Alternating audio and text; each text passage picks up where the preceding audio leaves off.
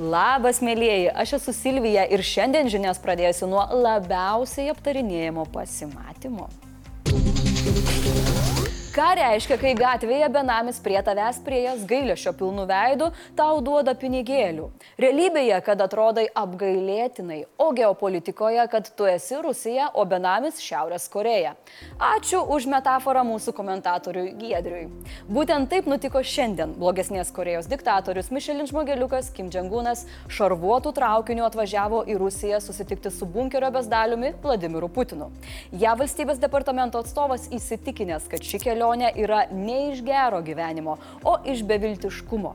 Putinas pradėjo specialiąją lindimo Kindžiamgūnui į užpakalį operaciją. Kodėl? JAV dar praėjusią savaitę pranešė, kad Šiaurės Korejos lyderis ketino išvykti į itin retą kelionę užsienin, kad pasikalbėtų su Rusijos prezidentu apie ginklų tiekimą Maskvai. Putinas nori artilerijos sviedinių ir prieštankinių raketų savo trijų dienų karui. Tuo tarpu Kimas siekia pažangių technologijų skirtų palidovams ir branduoliniams povandeniniams laivams, taip pat pagalbos maistų savo skurdžiai šaliai. Spėjama, kad susitikimas bus surinktas nuostabiame Vladivostokė, Vostočny kosmodrome. Labai logiška lokacija nuo realybės atitrūkusiems kosmonautams. Putinas jau yra Vladivostokė, nes čia dalyvauja metinėme ekonomikos forume. Beje, Vladivostoko forume arba oro mažai, todėl Putinui galva kažko svaigsta, mat jis pasakė, kad ukrainiečių kontrapolimas nepasiekė jokių rezultatų, o Ukraina tuoj dėl to norės dėrybų. JAV perspėjo Šiaurės Koreją, kad išdrys susitiekti ginkluotę Mordorui, šalis sumokės didelę kainą, bet Kimui į tai nusispjaut. Kaip ir Kremliui. Peskovas sakė, kad svarbiausia abiejų šalių interesai, o ne JAV grasinimai. Dar blogiausių ūsų savininkas sakė, kad diktatoriai aptars opius klausimus. Kas kam opu? Putinui opu, kad trūksta patrankų mėsos, o Kimui, kad jo žmonės koncentracijos stovyklose iš bado valgo kirminus. Žinutę pradėsiu nuo aksiomos. Valdžia visada kalta. Ukrainoje taip pat. 78 procentai apklaustųjų mano, kad Volodymyras Zelenskis yra tiesiogiai atsakingas už korupciją. Daugiau kaip pusė mano, jog sąjungininkai turėtų tiekti šaliai karinę pagalbą tik su sąlyga, kad bus veiksmingai kovojama su korupcija. Zelenskis teigia, kad korupciniai atvejai nesusiję su ginklais, ginklams skirtomis lėšomis ar biudžeto lėšomis pensijoms socialiniai paramai. Tad siekdamas maksimalaus skaidrumo, prezidentas vetavo elektroninių turto deklaracijų statymo projektą projektą. Taip, kad tautos tarnų kišenė yra visos tautos reikalas. Bet Zelenskis primena, kad ir užnugario gyventojai neturėtų pamiršti, jog vyksta karas ir reikia likti susitelkus kaip pirmosiomis dienomis.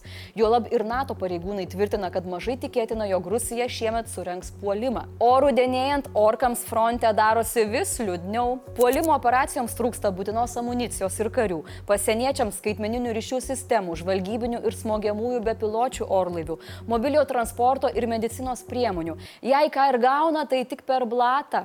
Todėl baisiai nerimauja, nes ukrainiečių reidai per sieną gali padažnėti. Rosgvardija pradėjo verbuoti anksčiau įkalintus Wagner kovotojus siekdama padidinti savo pajėgų rezervą arba galbūt siekdama tiesiogiai kontroliuoti buvusius nepavykusius sukilėlius. O Baltarusija iš Wagner likučių kurs savo samdinių grupuotę.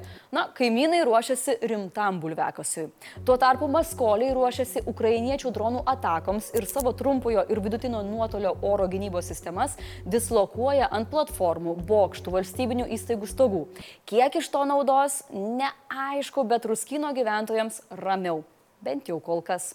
Tačiau fronto zonoje apie ramybę Ukraina gali tik pasvajoti. Per okupanto apšaudimą Donetsko regione sviedinys pataikė į namus. Du žmonės žuvo, trys sužeisti ir gydomi ligoninėje. O štai Kryme Krasno Perekovsko rajone nugriaudėjo galingas sprogimas. Kas sukėlė sprogimo dar neaišku, bet girdėti buvo net keliose aplinkinėse gyvenvietėse. Netrukus po sprogimo apylinkėse neršė kariniai okupantų sraigtasparniai. Va tokį ferverkų festivalį tai suprantu. Tikra muzika sielai rusų turistų kliksmai dėl draudimų įvažiuoti į ES savo automobiliais.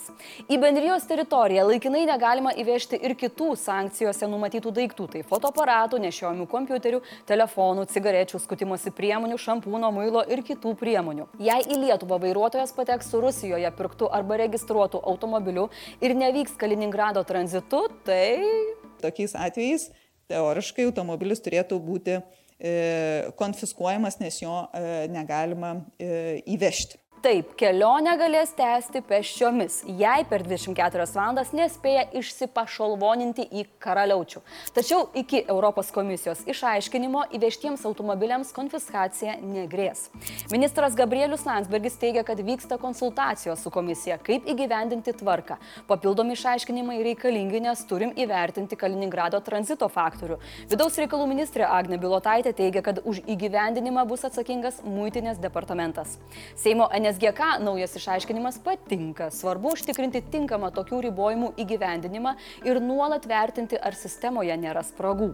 Po komisijos išaiškinimų jau būta ketinimų kirsti sieną automobilių su rusiškais numeriais, tačiau keliauninkai buvo perspėti dėl konfiskacijos ir grįžo į savo svajonių šalį. Nors mašina į Europą nevažinėja, bet labai nepatenkinta Mordoro atstovė Marija Sakharova, ji net sugebėjo įžiūrėti rasizmą. O kartą per metus prasiblaivintis Dmitrijus Medvedevas pasiūlė iš vis nutraukti diplomatinius santykius su ES. Kaip galima kažką nutraukti, nu ko iš esmės ir šiaip nėra? Lietuvos mokytojams esant žemame visuotinio streiko starte, švietimo ministrą Gintautą Jakštą ant kilimėlio išsikvietė Sauliaus Kvernelio vadovaujami demokratai. Primenu, švietimo darbuotojų profsąjunga pareikalavo šiais metais pakelti mokytojų atlyginimus 20 procentų, o nuo kitų metų pradžios dar 30 procentų. Ministras vėl tikino, kad partijų susitarimo laikomasi, o su profsąjunga reguliariai derinamasi. Visgi ji neketina nusileisti. Ar bus streikas, jie pasakys, kai gaus aišku pasiūlymą dėl atlyginimų augimo. Manom, kad jie elgesi ne, nesažiningai ir dėrybose jas nuolat vilkina, tai uh, kai gausim pasiūlymą, tada mokytai ir vertins. Jakštas sako, kad dėl tų atlyginimų tariamasi, jie turėtų kilti du kartus kitais metais. Ministerijoje dar vyksta modeliavimas, todėl atsakymas bus tik kitą savaitę. Vadinasi, niekaip nespės iki penktadienio įspėjamojo streiko, bet ir pats vilčių jo sustabdyti neturi. Aišku, penktadienį bus viskas gana taip nučil. Tai penktadienį vyks dviejų valandų streikas, tai jisai tiesiog mokytojai neves dviejų pamokų.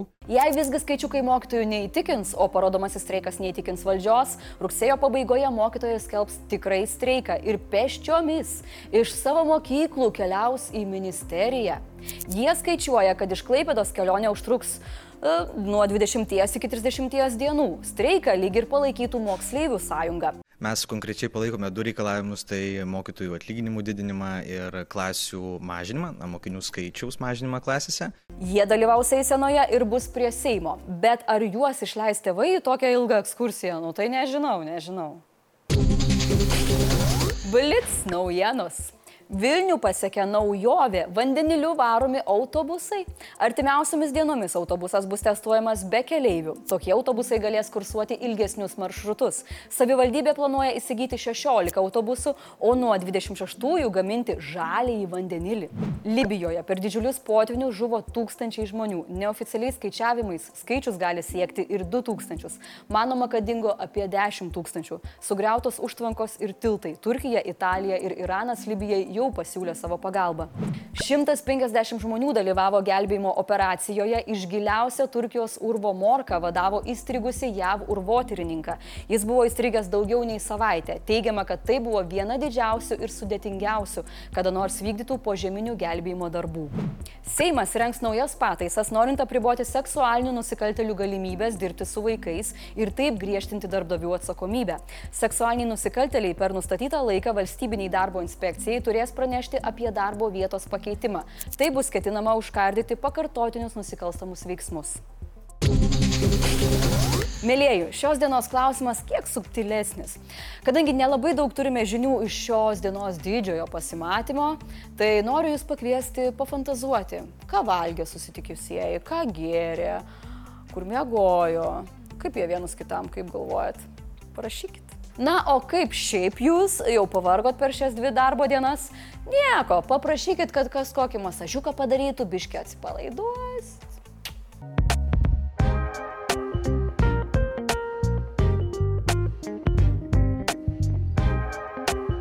Komentarų metas. Tadas Miltinis parašė negatyvų komentarą. Tadai, čia yra mano neutrali reakcija į tavo neigiamą komentarą. O šiaip tai, mėlyjei, rašykit teigiamus komentarus. Bet galite ir neigiamus. Rašykit, jūs tik svarbiausia mums rašykit. Ačiū Jums ir tiek žinių.